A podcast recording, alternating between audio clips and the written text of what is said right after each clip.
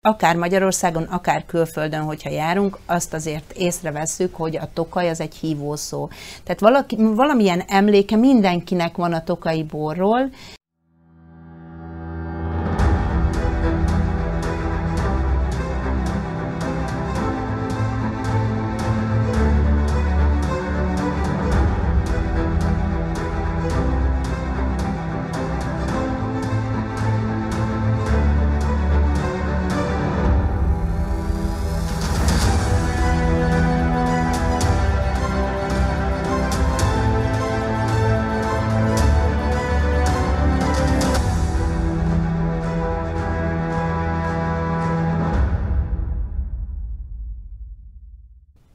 Üdvözlöm kedves nézőinket! Önök a Ma Hét Média Család gazdasági műsorát látják a piacot. Mai vendégünkkel egy nagyon aktuális témáról fogunk beszélni. Szeptember végén járunk, és mi aktuálisabb volna, mint a szüret. Köszöntöm a borászok borászat Bodó Juditot, és köszöntöm kollégámat és Matus Tibort, akivel együtt fogjuk kérdezni arról, hogy végül is így a Covid árnyékában eh, milyen is eh, Szlovákiában, de úgy általában Közép-Európában eh, borral foglalkozni, és milyen mondjuk az idei szüret, milyen lesz? Hogy látja? Tokajba. Tokajba, igen. Milyen lesz a szüret? Remélem, hogy nagyon jó. Minden évben úgy futunk neki az évjáratnak, hogy most akkor nagyon jót fogunk szüretelni.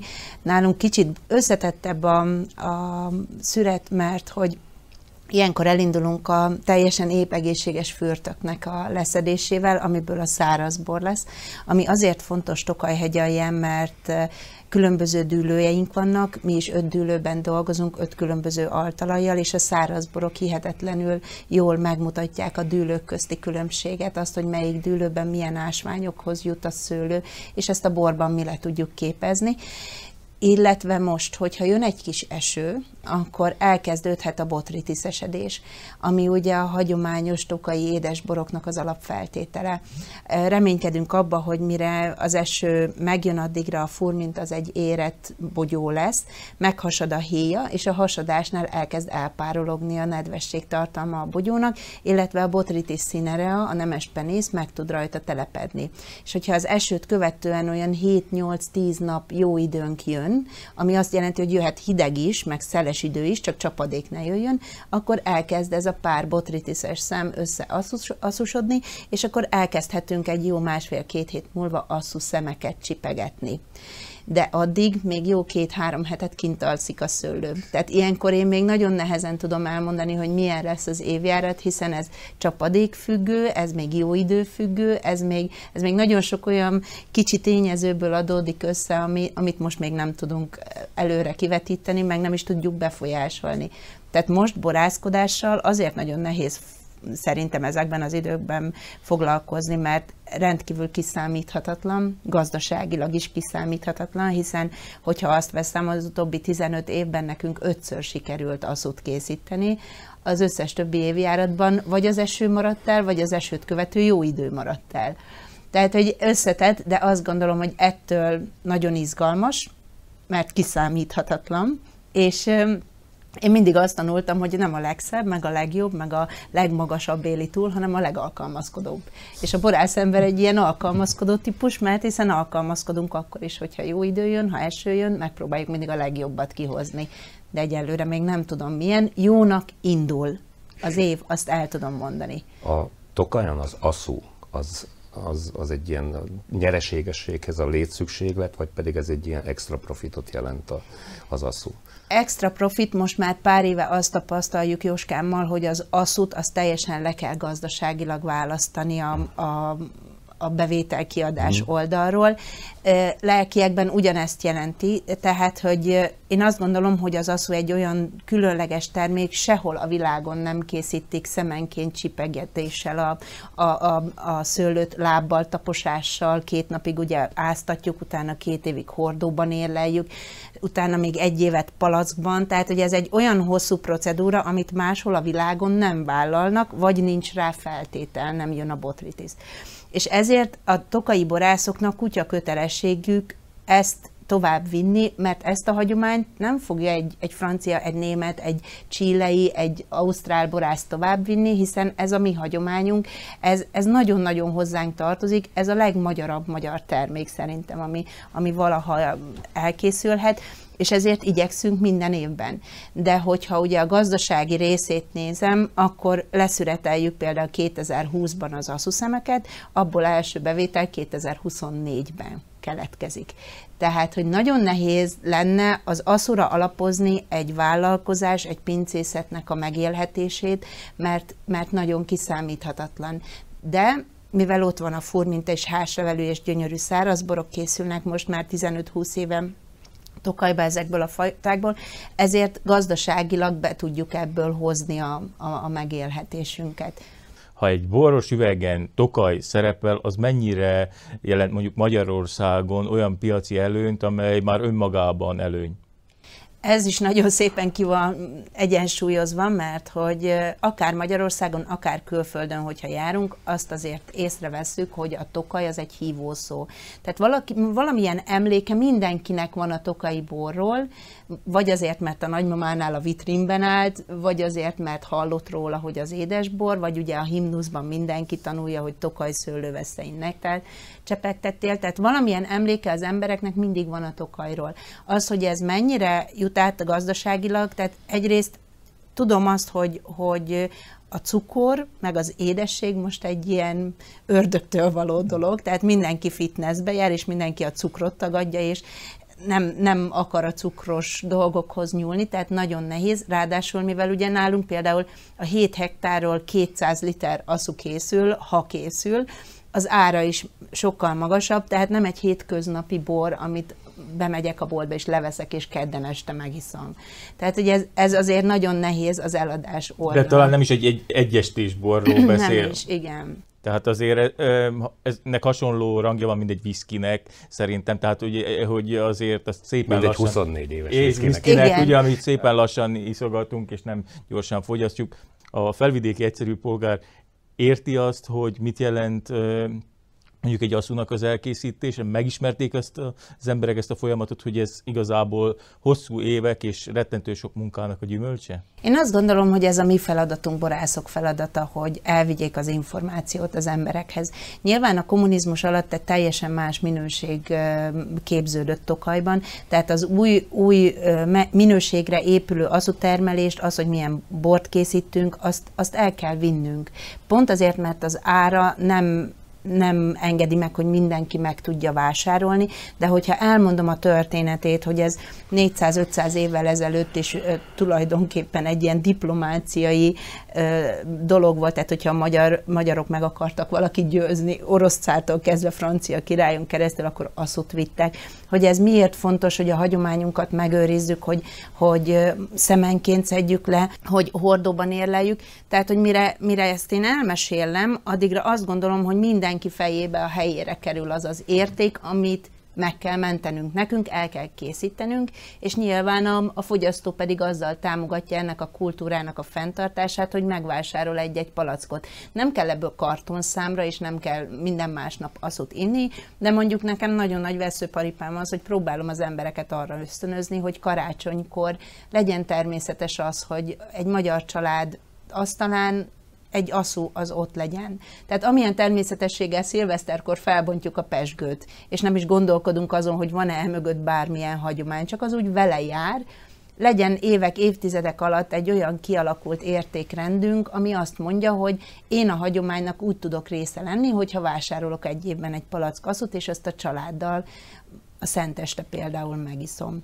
Tehát, hogy ha tanítjuk az embereket, mindenki nyitott rá, és a felvidéki emberek szerintem nagyon érzékenyek, és én imádok itt bort kóstoltatni, nagyon szeretem azt is, mikor hozzánk érkeznek. Mondjuk el, hogy Judit biológiai rendszerbe ter, mm, termeszti a szőlőt, ami annyit jelent, hogy ez egy harmad termést jelent a commerce szőlőkhöz képest, és halljuk, hogy kézműves termékeket állít elő. Én rá szeretnék menni, mert ez egy gazdasági műsor, a profitabilitás kérdésére. Tulajdonképpen mi, a, mi hoz nagyobb hasznot a, a commerce nagyba, vagy pedig a, a kicsibe, a, egy ilyen kézműves minőségi termék, illetve hogy milyen a kereslet az egyik másik után. Én azt gondolom, hogy a, a kis kézműves termékeknek is megvan a piaca, illetve a nagy borászatok termékeinek is megvan a piaca. Meg kell találni a megfelelő célközönséget. Nyilvánvalóan mi 9 hektáron dolgozunk, ez az, amit a saját családunk be tud művelni. A bioművelés pedig a belső késztetés, mert hogy így nőttünk föl, hogy, hogy mindent megtermeltek a szüleink, és ezt, ezt, ezt, ezt szerettem volna tovább vinni. És ez azzal jár, hogy a legmagasabb minőségre törekszünk, hogy fürtöt válogatunk, hajtást válogatunk, nem permetezünk felszívódószerekkel de ez nekünk nem bonyolultabb, és nem megterhelőbb, mint egy commerce szőlőművelés. Sőt, ö, nagy biztonságot nyújt, hogy, hogy tudom, hogy mit teszek az asztalra. Öm, a, a nagyobb pincészeteknél, a 100 hektáros pincészeteknél szintén van egy ilyen törekvés, hiszen Tokajban kiemelkedően magas azoknak a nagy pincészeteknek a száma, akik bioművelést folytatnak. Az árkülönbség az nagyjából abból adódik, hogy nem mindegy, hogy például a palackot én egy raklappal rendelem meg, vagy pedig a, a nagyborászat megrendel egyszerre 10-15 raklap palackot, ott már jelentkezik egy árkülönbség, amit a végtermékben realizálni tudnak. Oda, ugyanúgy például a munkákban, a traktor munkában, tehát a permetszer vásárlásban mindenben realizálódik ez a két nagyság közti különbség. Én azt gondolom, hogy mind a két, tehát a nagyvállalatnak is és a kis családi birtoknak is törekednie kell a lehető legmagasabb minőségre, azért, mert nem mindegy, hogy a kommunizmus után az első 50 évben milyen minőséget küldünk ki Tokajhegy aljáról. Hogyha az középminőség, akkor elveszünk a világban. Mert annyi új borvidék jött a világban, Chile, Új-Zéland, Ausztrália, a, amik ilyen nagyon könnyed, nagyon jól érthető, nagyon jól fogyasztható árérték arányban nagyon olcsó borokat tudnak a piacra nyomni, és ezzel egy olyan borvidék, mint Tokaj, ahol szemenként csipedjük ki, megvárjuk az októberi esőt, küzdünk az elemekkel, tehát ezzel nem tud versenyezni. Tehát az egyetlen kirobbanó pontot, amit Tokajhegyen én látok, az a minőségi bortermelés. Akár kicsiben, akár nagyban. De ez, ez nagyon szépen működik, tehát van egy ha mondhatok esetleg pincészetek neveket, az Orémus, a disznókő, a királyudvar, a hétszőlő, ők szinte több, mint a fele már, már bioszőlőt művel, és a minőségük ott van, hogy én is bátran a hónom alá csapom az ő palacjukat, és megyek a világba, és, és mutatom, hogy ez most jelenleg tokaj. Tehát, hogy általában én ezt is csinálom, hogyha valahova meghívnak külföldre borbemutatót tartani, akkor én egy egész portfóliót szoktam magammal vinni, pont azért, hogy lássák az emberek, hogy, hogy a nagy pincészetnél is van jó bor, és az nagy pincészet a mennyiségből adódóan meg tud jelenni nagyobb boltok polcain akár áruházláncak polcain. Ez és lett az... volna a kérdésem is, hogy az értékesítése az önök borainak például mennyire bonyolult, mert mondjuk egy nagyobb pincészet meg tud jelenni egy nagyobb üzlethálózatban, de ismerjük az elmúlt másfél év történését, azért a lehetőségek is beszűkültek, tehát mennyire könnyű vagy nehéz az értékesítés? Én azt gondolom, hogy itt is más pályán játszunk, de kiegészítve egymást. Tehát addig még egy 200 ezer palackos pincészet meg tud jelenni a nagy boltok polcain egy kedvező árban, az egy jó bevezető lehet a borfogyasztók felé. Előbb megveszik a borait, és hogyha valami jóra lel, akkor a következő lépés az, hogy meglátogatja a borvidéket,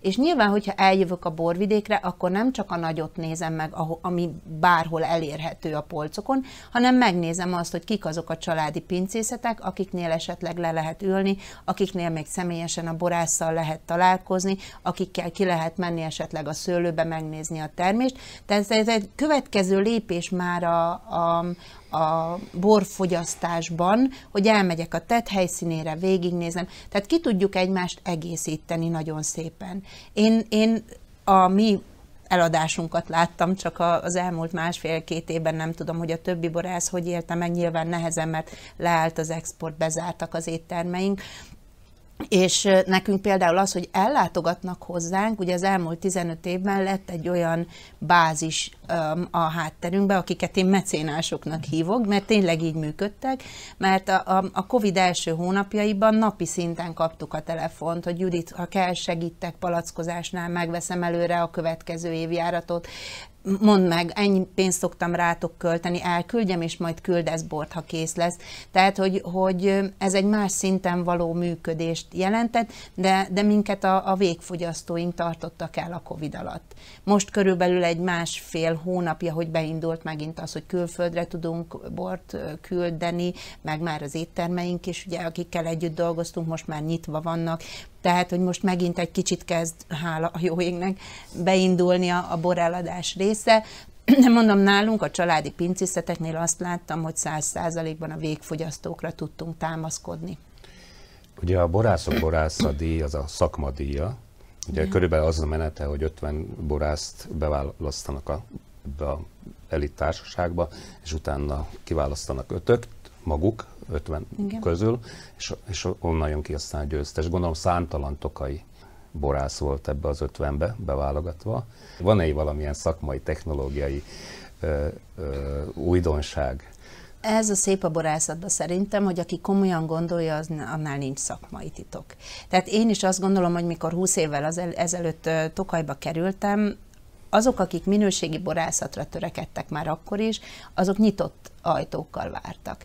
Tehát én soha pedig nagyon sok borászt meglátogattam, és nagyon belekérdeztem a mélyébe, hogy mit, miben áztat, mikor szedi le, stb. És mindenki mindent elmondott, hiszen ez nem titok. Ez, ez aki a természettel együtt él, az, az érzi azt, hogy, hogy együtt mozdulunk. Hogyha eső van, nyilván senki nem megy ki szüretelni, de meg lehet kérdezni, hogy neked mi a terveid, hogyha... Tehát nincs szakmai titok, bárcsak lenne öt mondat, amit én föl tudnék vésni a kéményre, és akkor másik 15 leolvasná. Tehát nincs szakmai titok. Nekem most már nagyon fontos, hogy most már kezdjük mi kinevelni a következő generációt, és számtalan egyetemről kikerült borász jön hozzánk, és gyakorlatát csinálja, diplomamunkában segítünk nekik, tehát hogy most már most már tényleg az van, hogy, hogy mi, az, mi vagyunk, akik nyitott ajtókkal várunk. Kik jönnek borásznak? Tehát olyanok, akik valamilyen családi kötődésük van már Ez a borászathoz, vagy, vagy, pedig, vagy pedig teljesen... Nincs ilyen, hogy honnét, Mert nagyon Mondjuk sok. el, hogy önök is, hát nem, nem, nem volt borászati hagyomány a családban komoly. Tehát nem, nem. Ez nagyon érdekes, hogy milyen területről. Van egy eh, nagyon kedves lány, Éles a szóló eh, pincészettől. Ő például úgy került hozzánk, hogy észrevette pár évvel ezelőtt, hogy a nagymama területeit eladogatják, és ő valamiért, mivel ott nőtt föl, foggal körömmel ragaszkodott a területhez, és vissza akart valahogy Tokajba nyúlni, és, és megkért arra, hogy segítsünk valahogy elindítani a, a tudás útján, és most már nagyon sok éve nagyon-nagyon jó borokat készít, és túlnőtt picit, mert hogy nagyon vagány és nagyon merész, és olyan dolgokat is bevállal borászatilag, ami, ami én még tehát amiben én még nem nyúlok bele. Vagy van olyan, aki egész egyszerűen csak beleszerelmesedett Tokajhegy aljából, és egy fél hektárral kezdte, és most már öt hektáron dolgozik. Tehát, hogy nagyon furcsa, hogy, hogy a szőlő az, az milyen környezetből vonza be az embereket. És nem is a, a végzettséghez kötődik, mert van, aki egy nagy cégnek az igazgatója, Timi éppen bölcsész volt, az én férjem művészettörténész, én magam agrár tanultam, tehát, hogy a szőlő valahogy így kiszelektálja azokat az embereket, akik egy picit ráéreznek, szenzitívebbek arra, hogy mit és hogyan kell csinálni, meg hát azért a szorgalom alapján is nagyon meg, megtizedeli az embereket. Tehát, hogy, hogy itt azért muszáj kitartónak lenni, meg erre is nevel bennünket a szőlő, hogy, hogy optimisták legyünk, higgyünk, reméljünk, meg, meg tényleg az, hogy nem, nem lehet kiszámolni, hogy most szombat-vasárnap lehet a szőlőbe menni, vagy hétfőked. Tehát, hogy rugalmasan kezeljük a természetet. Tehát én azt gondolom, hogy nagyon sok felől jönnek az emberek, nagyon-nagyon szívesen várunk mindenkit, meg én még most is azt mondom, hogy nincs titok. Bele kell állni, szeretni kell, és hogyha az ember ezt az egyensúlyt, ami a, a fizikai munka mellett jön, mert azért el kell mondani, hogy a bor köré nagyon-nagyon jó kis közösségek tudnak épülni, beszélgetések, és, és nagyon sok minden pozitívumot is bevonz az életünkbe. Tehát, hogyha az egyensúly kialakul valaki körül, akkor már nem tudja elengedni a szőlőt. Bevezetőben beszéltem arról is, hogy milyen helyzet Szlovákiában. Arról is szeretném megkérdezni, hogy innen indulva, hogyan látja egyébként mondjuk a szlovák borpiacot, tehát hogy mennyire fejlődött ez az elmúlt húsz évben? Látjuk a magyarországi helyzetet, hogy azért a gasztroturizmus alapvetően nagyon jól működik, de Szlovákiában azt tapasztaljuk, hogy a turizmus is alapvetően el van maradva, a gasztronómia területén is vannak elmaradások. A bor, bor helyzetét hogyan látja egyébként? Hatalmas fejlődést látok az elmúlt húsz évben mert hogy az emberek is sokkal nyitottabbak lettek, és nőtt a választék. Tehát nem az van, mint 30 évvel ezelőtt, akár az én gyerekkoromban is, hogy itt Szlovákiában is volt a gyertyásból. A gyertyásból volt vörös, és volt fehér, és ennyi volt a, a körülbelül, amit le lehetett venni a polcról. Tehát, hogy ahhoz képest most borszaküzletek vannak, nagyon sok fine dining étterem nyílt, nagyon sokan figyelnek arra, hogy mikor, milyen alkalomra, milyen bort vásárolnak, tehát hatalmas nagy a, fejlődés, én azt gondolom. A mi borvidékünk is el van maradva még gasztronómiailag, tehát hogy nagyon furcsa megélni azt a kettőséget, hogy a világ egyik leg, sőt számomra a legnemesebb édesborát készítjük, és tényleg minden mozdulatunkkal azon vagyunk, hogy ezt a hagyományt föntartsuk, és nincs Michelin csillagos éttermünk. Nem tudjuk meg teremteni azt a környezetet, ahol egy, egy ilyen étterem életképesen működik. Tehát, hogy én azt gondolom, hogy a kommunizmus után el kell még tennie 50-60, akár 100 évnek, hogy minden szépen aprónként a helyére kerüljön. Ezt nem lehet befolyásolni. Ez, ennek időt kell hagyni, és mindenkinek helyére kell tenni az értékeit a, a gazdasági világban is, meg a, meg a lelkében is, ahhoz, hogy ez működni tudjon. Volt nálunk is, meg van most már azért, Tokajban én látom, hogy 20 év alatt rendkívül sokat változott a, a szálláshely adottság például. Mikor én oda kerültem, akkor alig tudtam normális panziót találni, most már van négy csillagos hotel, rengeteg három csillagos, nagyon jó kis éttermek kezdenek kialakulni, de még mindig gyerek cipőbe járunk. Ennek az is nagyon-nagyon nagy hátráltatója, hogy a kommunizmus után nálunk egy egész generáció, mint hogyha eltűnt volna. Tehát azok a velem egyidős 40-es fiatalok, akik most befektetnének, akik dolgoznának, családot vállalnának, azok valahogy eltűntek. Miskolc, Budapest, külföld, és nagyon-nagyon hiányzik az, hogy, hogy valaki ráálljon arra, hogy a következő generációba kinevelje azt a fiatalt, aki ott helyben, Tokajban meglátja a lehetőséget. Most múlt hét pénteken nyitották meg a Tokajhegyaljai Egyetemet, aminek pont ez a küldetése, hogy ne csak a szőlészborász képzésbe vállaljon egy magas szintű oktatást, hanem például az idegenforgalomban is, a turizmusban is. Mert hogyha egy fiatalnak értelmes célt adunk, és megélhetést adunk a borvidéken, az nem akar elmenni. Tehát, hogy ez egy hosszú távú gondolkodást igényel, de ezt 20 év alatt nem lehet megteremteni. Én, én azt hiszem, ezt a gondolatot egy az egybe át lehet ültetni nálunk is. Egyre több a női borász. Sőt, ha jól tudom, önöknek is van egy érdekes projektje, a Három Grácia. Hogy látja ezt, hogy, hogy egy nő az másképp tud a borászatra tekinteni, mint egy férfi? Biztos, hogy van valamilyen anyai gondoskodás háttérben. Tehát, hogy azért ezt ne zárjuk ki, de, de érdekes, hogy akik eljönnek hozzánk emberek, azok a borra kíváncsiak, és ugye a hatodik, hetedik kérdésnél merül föl az, hogy ja, ja hogy amúgy ön, ön borászlány, és akkor nem olyan nehéz. De nem. Tokaj Sőt, anya. Sőt, anya. anya. Sőt, anya, igen, három fiúgyerekünk van.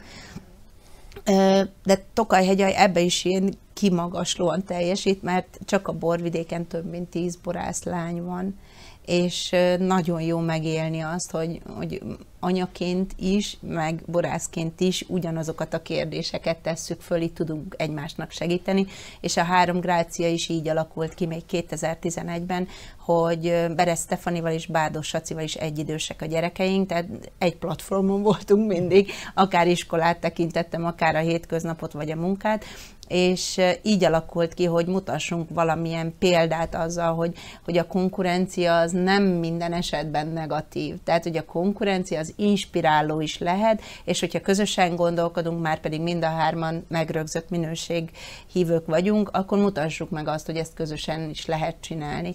És nagyon-nagyon jó, hogy az emberek szeretik a történetet is, illetve hogyha megkóstolják, én akkor tudom ajánlani az ő pincészetüket, el tudom mondani, és már most vannak olyan csoportok, akik erre építik a hétvégéjüket, hogy akkor most ezen a hétvégén meglátogatjuk mind a három gráciát, és egyikünktől a másikukig megy. Tehát, hogy ez, ez egy nagyon jó, és ez a legjobb példája annak, hogy, hogy nem egymást kioltva, hanem egymást erősítve is lehet előre menni. Úgyhogy én mindenkit biztatni szoktam, hogy álljon össze, csinálja közösen, mert az, mert az inspiráló is tud lenni. Tehát a konkurencia az néha inspirál. Azt hiszem, hogy ennél jobb befejezés nem is kell, hogy közösségben sok minden egyszerűbb. Én nagyon szépen köszönöm, hogy itt volt, önöknek, hogy velünk tartottak, és hogyha idejük engedi, akkor tartsanak velünk legközelebb is, ha pedig egy kellemes estét szeretnének eltölteni, akkor itt a lehetőség, egy tokai alszó biztosan segít ebben. További szép napot kívánunk, és kellemes estét!